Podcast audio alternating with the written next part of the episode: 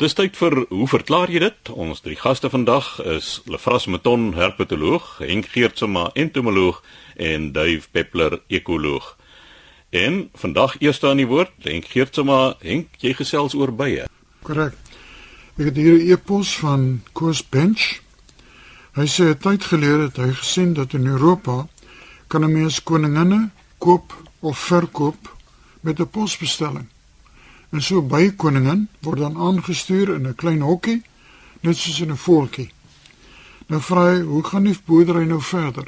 Jy het nou die koningin gekry, uit die hokkie uitgaan en wat nou?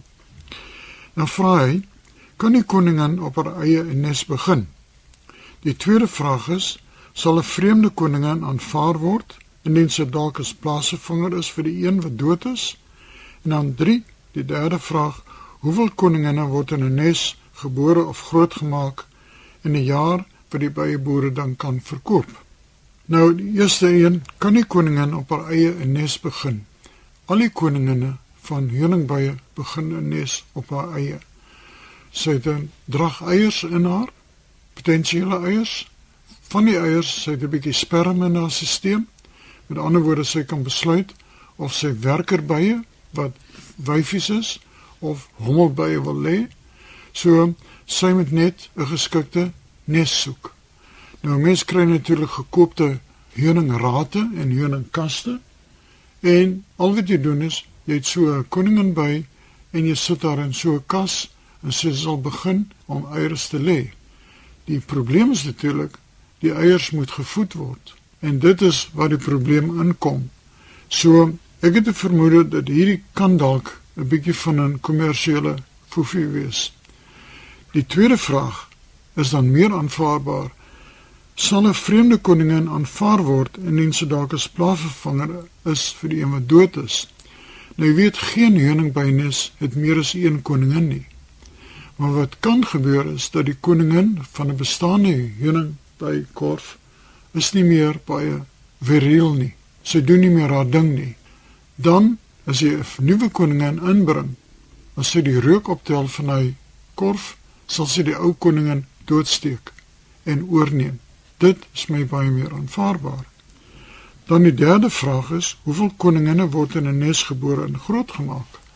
Nou jy weet natuurlik dat wanneer koninginne eiers lê wat werker by maak, dan word sekere selle word groter gemaak en daardie larwes wat in daai selle is, word met koningin jelly gevoer wat hulle dan koninginne maak.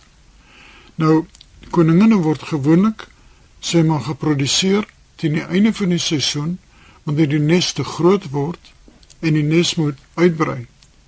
Dan kom die jong koninginne uit. Hulle neem 'n deel van die byebevolking saam met hulle en hulle verlaat die ou nes en stig dan sogenaamde kolonies op ander plekke. So hoe koningin op haar eie weer kan begin van voor af sonder werkers sal ek nie weet nie en ek dink dit is 'n bietjie onrealisties en dalk onwaar maar die ding is sy kan wel 'n koningin vervang en uiteindelik kan jy wel met koninginne boer en dan dieselfde truc uithaal deur koninginne in 'n vroue dosie te verkoop aan ander mense. En kan ek net vra, ek het die ondervinding persoonlik gehad dat een van hierdie houtrolle waarop die kabels gerol is wat ek eintlik opgerig het op 'n paal vir my duwe om in te sit en te broei is eendag deur 'n uh, swerm bye betrek. So is dit 'n nuwe koningin, 'n nuwe swerm. Hulle kan natuurlik tydelik ook daar sit. Want die ding is, in die swerm is daar verkenners. En die verkenners soek heeltyd vir geskikte nesmaakplekke. En die nuwe kolonie verlaat die ou nes en hulle kan rondbondel totdat die verkenners aandui ons geskikte nuwe plek gekry het. Nou hierdie drom wat jy daar het, sal nie 'n permanente plek wees nie, want baie is baie puntenerig eintlik wat nes maak plekke vir hulle korwe is. En kyk, hulle moet plek maak vir rate in die tipe goed. Nou baie van hulle word gevang deur baie boere. Hulle glad nie 'n probleem nie, want baie kere is die rate klaar gegiet, klaar wasplate gemaak en so aan. Maar as hulle byvoorbeeld in 'n droë akkerboom of iets kom, moet van vooraf begin was produseer. Dis 'n heel duur ekologiese proses vir hulle. So hulle sou verkies om eintlik deur 'n byboer gevang te word en dan kommersieel gebruik te word tot hulle voordeel en natuurlik tot ons voordeel ook. Gepraat van bye, ek sien daar's nou uh, omtrent 'n groep van 600 wetenskaplikes wat nou in Europa bymekaar gekom het juis om bye navorsing te doen oor die verkwyning van bye kolonies. Bye kolonies word al kleiner en al minder. En niemand weet presies wat die oorsaak is. En dit ontstem of ontstel die wetenskaplikes wat in bye belangstel, soveel dat hulle nou hierdie groot organisasie gestig het om inligting uit te ruil en om iets te probeer doen want ek kan die luisteraars verseker as ons nie meer heuningbye het nie het ons probleme en dan wil ek nog iets vra wanneer raak 'n swerm baie aggressief want die betrokke swerm waarvan ek nou praat was vir 'n hele paar maande daar in my seun het baie keer 'n rugbybal geskop en dan wip die ding bo op die nes en daar het absoluut niks gebeur nie. En ek het met die randsnyer om die paal baie keer gesny en niks gebeur nie. En een oggend toe ek die grasnyer stoot en die grasnyer raak aan daai paal, toe sak hulle my toe en ek moes hardloop in die lopende grasnyer net so los en maak dat ek wegkom. En dit was 'n proses om uiteindelik by daai grasnyer te kom, want as ek nader kom al sluip ek tussen die struike deur, hulle het my reuk of wat ook al opgetel dan kom hulle. Dit was 'n groot proses en dit het my laat wonder, hoekom was hulle vir maande nooit aggressief nie en een Saterdagoggend toets daar moles twee faktore. Die een is temperatuur, tyd van die dag. Vroeg in die oggend is hulle nog nie aktief nie. Die verkennis is uit, maar die kolonie of die nes self is nog nie vol bedrywig nie. So dan kan jy miskien 'n rugbybal daarop. Maar ek sien nie graag 'n rugbybal wil genaal nie. Ek koop uit afgebons weer. Maar die ding is die grasnye teen die paal kan vibrasies veroorsaak. En dit ontstel hulle want dit is 'n vreemde vibrasie want jy weet binne in die nes self heers daar temperatuurreëling wat gebeur met vibrasie van die vlerke. En nou skielik kom Chris Swanepoel met sy grasnyer en hy gee baie groot vibrasie. Hierdie arme goed weet nie meer wat hier aangaan nie. So hulle gaan uit. Maar nie net dit nie. Chris Swanepoel is 'n bietjie bang vir bye. Dan skei hy in sy armsweet dekanol af. Dekanosuur 10 koolstofsuur wat vir die bye 'n alarmstof is. Want as 'n by jou steek, dan skei hulle dekanosuur af om die ander bye te sê hier is probleme. Kom ons gaan vir Chris Wannepoel. En dit is die probleem. Jy inherent skei jy dan sonder dat jy dit besef 'n alarmstof af wat die bye opgewonde maak. Ek dink daar's ook 'n ander verklaring en dit is dat hoekom dit so lank gevat het is dat jy net eenmal 'n een maand gras sny. nee, hoe jy laas nie elke Saterdag. Die tweede rede hoekom die bye aggressief kan wees is wanneer hulle 'n honingvoorraad het en die aanvulling van die voorraad is power, dan raak hulle aggressief want hulle moet die voedselbron wat die kolonie het beskerm teen alle koste. Dit is dan Henk Geertsma se antwoord op daardie bye. Hulle Frasmeton ons herpetoloog En Lefras, jou onderwerp vanoggend is geitjies. Ja. Lindy Nel van Belwel is raad op met geitjies in 'n huis wat 'n groot gemos teen haar mure maak. Nou ja, ek dink sy is alleen nie. Ek het oor die jare al ontelbare oproepe ontvang oor mense wat wil weet hoe kan hulle van die geitjies ontslaa raak wat so mos in die huise. En ek glo dit is nie net hier in die Weskaap 'n probleem nie, maar oral in die land is daar maar 'n geitjie wat dieselfde ding doen. Sy sê tog vind sy hierdie diertjies baie interessant en wil weet of daar ook ander akkedisse is wat seiertjies op hulle voete het. Sy wil ook weet hoekom het geitjies nie ooglede nie. Nou net eers vinnig iets oor hoe kry mens die geitjies weg uit die huise? Mens kry hulle nie weg nie, jy leef saam met hulle. Daar's allerlei boere rate waar die een van die goed dink ek is 'n langtermyn oplossing nie. Een is dat iets soos Jace vloot wat jy teen die mure ver, dan moet jy met daai reuk saam lewe en jy moet dit gereeld doen. Ek dink dit gaan werk nie. Hoekom is die geitjies in die huise? Eerste plek natuurlik, hulle kom agter die ligte aan. So is daar dalk ligte, veral die buiteligte, is die sonnebokke. Henk uh, Ja, maar dis een van die redes hoekom jy geitjies in die huis kry, omdat jy het huisligte aan en jy die deure en die vensters is oop, die insekte kom in. En ek het in my huis skuil die geitjies bedags agter die skilderye en goeters en in die aand kom hulle uit en hulle voet en ek is heeltemal gelukkig daarmee. Ek het nie 'n probleem nie. Maar as daar gloeilampe wat insek weer nie insek weer dit maar nie insekte aanlok nie. Ja, natriumlampe, geel lig is die mins aanloklikste vir insekte. Ek sê mins aanloklikste. Jy gaan nog steeds insekte lok.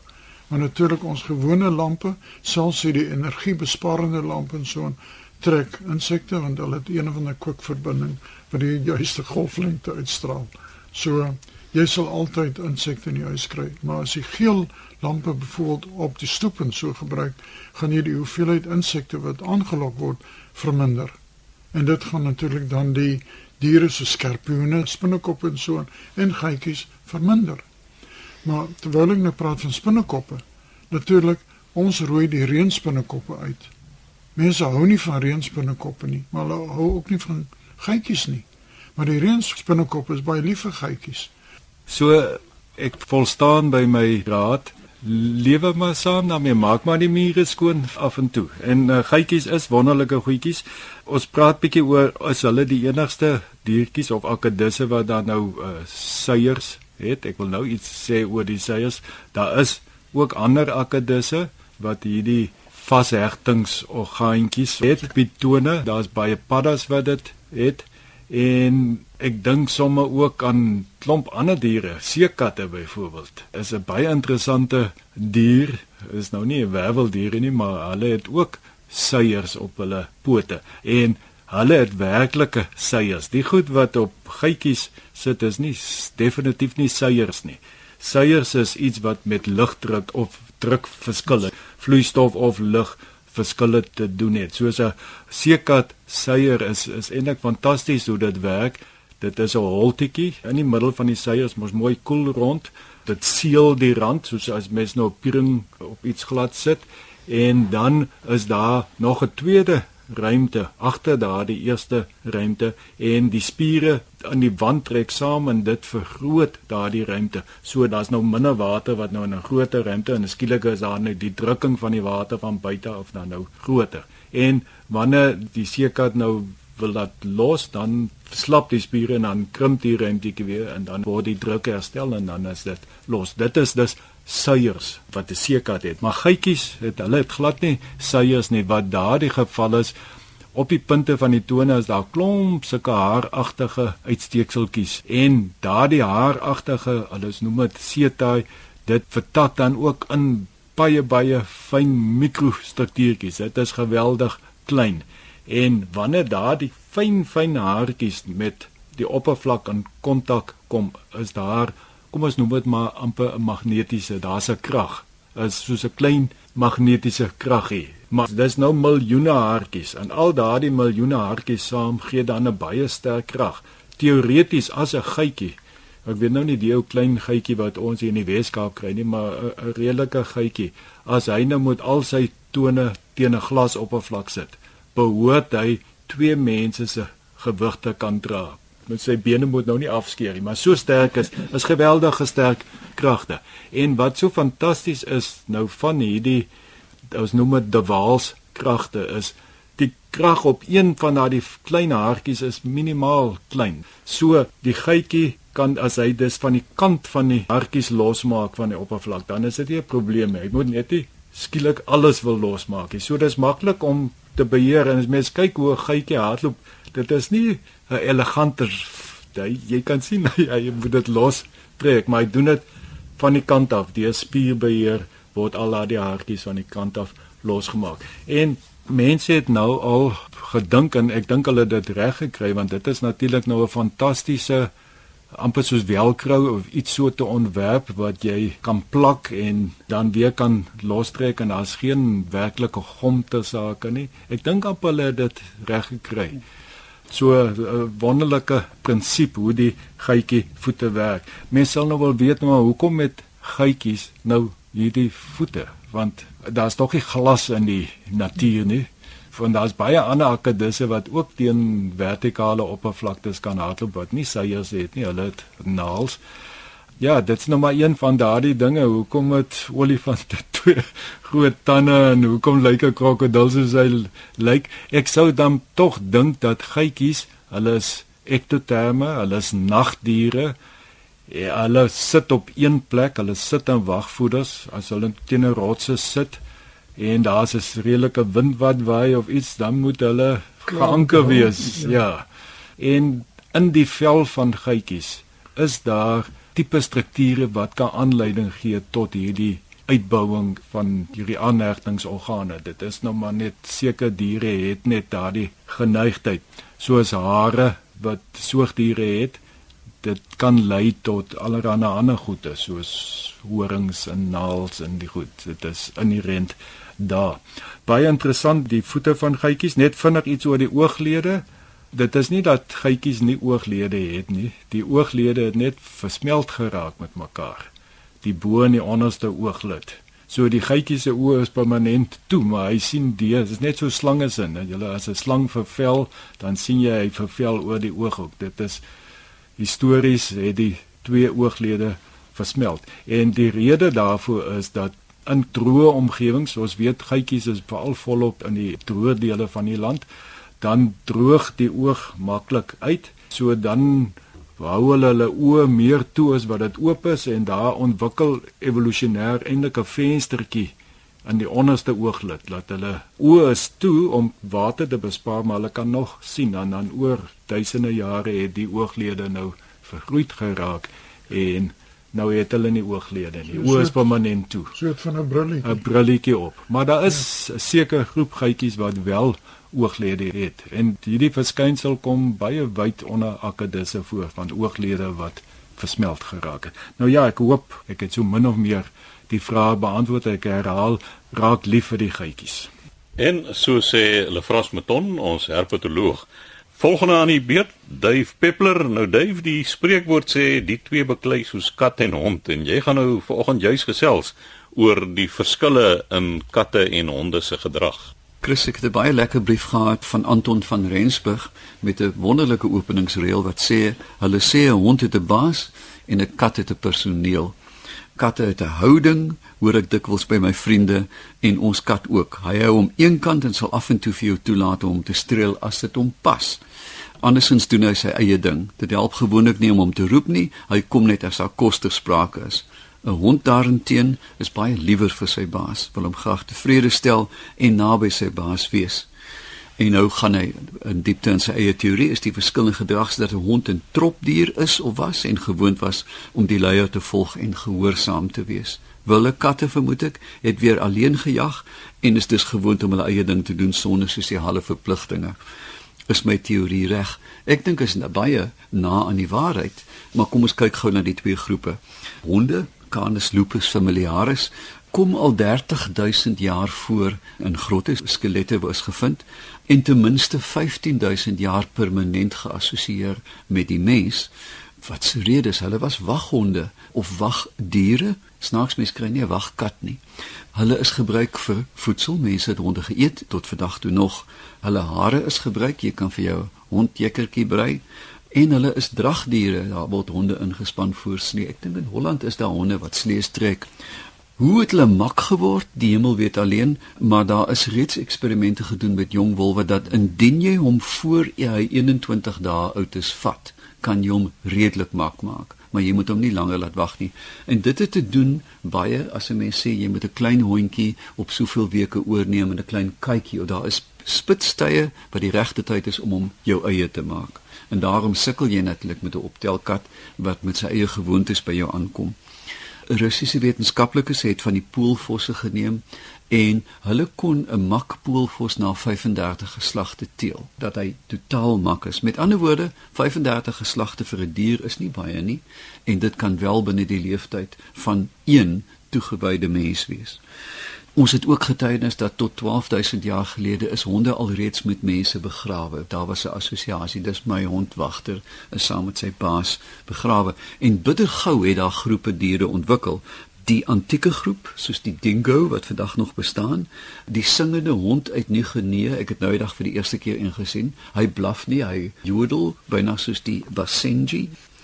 Dan is daar ook natuurlik die collies, is baie ou honde en die apporteerhonde is is ou rasse die Duitse herdergroep wat uh, heel moontlik uit 'n mak gemaakte dier weer teruggeteel is na die wolf vir sy aggressie. Ek het onlangs ontdek dat Duitse herdershonde ook ontsaglik lieftallige diere. Hulle is nie net kwaai nie. Hulle is eintlik verstommende lekker huisdiere. Maar wat het ons vandag? Ons het herders, jaghonde, snufhonde, sighonde, die mastiff tipe en natuurlik die terriers. Ek het um, onlangs 'n uh, Yorkshire terrier ontmoet. Ek het in my lewe nog nooit so aggressiewe diertjie nie. Dit was werklik die siel van 'n rotweiler en 'n kapokhoendertjie, die hemel weet alleen. Kookwater en hy so groot soos 'n borspeld. Maar dan as ons kyk na die katte, wat is 'n kat? Dit is 'n harige dier wat redelik mak is, wat vleis eet met uiters buigsame liggame, buigbare liggame, blitsige reflekse. Dit weet ons al te goed. Kitsie lê nog in slaap en haal jou die hande se vel af, kloue wat hulle kan terugtrek, tande wat hoogs gespesialiseer is. Hulle het hoofsaaklik 'n skemerlewe. Katte kan aan slaap en dan soggens en saans wanneer jy wil rus, dan woel hulle om jou. Hulle is hoofsaaklik alleenjagters. Mens sien nooit katte saam jag nie tensy hulle nou baie jonk is maar hulle is ook sosiaal in die sin dat hulle meow, hulle spin. Daar is 'n Engelse term trill, dis 'n keelgeluid grrr, wat hulle maak. Hulle blaas uiteraard, brom en dit 'n groot reeks feromone. Mannetjies katte piet in die meubels, jy weet in 'n sproeibeweging, ander katte hierdie gespin en geskuur teen jou het niks te maak met liefde nie. Die snorbaarde is vol feromone en afskeid. Hy merk jou eintlik soos 'n hond teen 'n boom. Met ander woorde, die kat sê jy is myne, ek is nie joune nie. Nou ja, dieselfde het gebeur met ons katte, hulle katte wat uh, wild was, die grou kat veral. Ons Afrikaanse grou kat was die eerste kat wat mak gemaak is Egipte byvoorbeeld. En dan het die assosiasie natuurlik was 'n kat 'n handige dier om rotte en muise te beheer. Maar hulle is natuurlik ook interessante diere. Ek is besonder lief vir katte. Hulle is eie soortige diere. Hulle is arrogant, maar as jy dan 'n kat raakloop soos ek ook onlangs raakgeloop wat saam met jou veld toe gaan en heeltyd met jou praat en oor sy skouer kyk, dan word dit 'n wonderbaarlike dier. So, daar lê die verskil. Die groep dier, die hond uiteraard van die wolwe of die wilde wolwe en jakkalse afkomstig hoofsaaklik van die wolwe, die kat, die alleenloper, ons weet dat 'n goue kat, jy kry hom een een in die veld en tog is hulle volledig geassimileer met die mens. Soos met die hond, is katte ook gebruik katvelle. Daar, jy weet, iemand het gesê 24 katte vir 'n jas, gril maar, maar tot vandag toe word katvelle in Switserland gebruik vir koors. En ons weet mevrou van Tulleken se boek gesê dis vel van 'n swart kat op die bors van iemand met kroep Maar nou ja, daar's baie huise wat beide van die diere aanhou en ek sê altyd as die kat weg is, kan die hond ontspan. Dave, jy het nou 'n hele klomp gebruike genoem van honde waarvoor honde geteel is. Maar dit klink vir my katte behalwe nou vir die velle vir pels is dit net om rotte te vang. As jy bewus van enige ander waarvoor katte geteel is, een of ander funksie of iets wat hulle vervul. Ek dink hulle is eenvoudig huisdiere wat 'n plesierige dier is. Ek sê altyd as in die oggend as 'n kat met dou op sy vel inkom en hy kom lê hier so teen jou nek is dit die wonderlikste ding. Jy weet 'n kat is 'n vertroostingsdier in 'n groot mate. Dis ding wat op jou bed slaap. Maar jy's reg, ek dink hulle is hoofsaaklik aangehou om pla te beheer. Dan is dit eintlik baie interessant as mens nou kyk na ons honde rasse, die meeste gaan oor die funksie wat hulle voorgeteel is. En dan is daar ook honderde kat soorte as ek dit nou so kan noem. En dit is maar als maar net vir mooiheid. Absoluut, die nuutste mode in katte is om hulle nou terug te teel na wilde katte, selfs met groterige katte. Jy weet, jy kan nou 'n kat soos die Noorweegse woudkat Dit jy, jy, jy dink is 'n pantier wat daar verbygestap het. 'n Reusagtig, die Maine Coons. Jy kan die ding skaars optel. Maar feit bly staan, is daar iets so mooi soos 'n kat wat in 'n vensterbank lê en vir jou met totale afsydigheid aanskou. Ek dink is die mooiste ding op aarde. Daar is dan nog 'n verskil tussen die twee. Katte is die enigste diere wat kan vry en beklei gelyk. Ek sal sonder my siel te verkoop nou nie daarop. ja, ja, en die hele buur daarvan laat weet. Kry al dit die ander ek het ook albei aangehou, katte en honde, dat 'n kat vir my se se waarnemingsvermoë, sy sintuie is baie skerper as 'n hond se. Ek dink fisiese sintuie ja, hulle sien goed, maar ek dink as dit by emosionele waarneming kom, voel 'n hond triestigheid, verlies. 'n Mens vind reg deur die literatuur dat honde 'n baie nader emosionele band aan die mens het as die kat. 'n Kat kom troos jou nie, maar as jy die dag regtig triestig voel, dan sal 'n hond sonder om enige lawaai te maak sy kop op jou been kom sit en vir jou sit en kyk met leepoe en daar lê die verskil dink ek.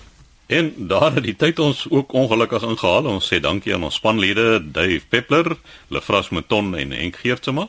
Skryf aan ons by hoe verklaar jy dit? Posbus 2551 Kaapstad 8000 of 'n e-pos aan chris@rsg.co.za.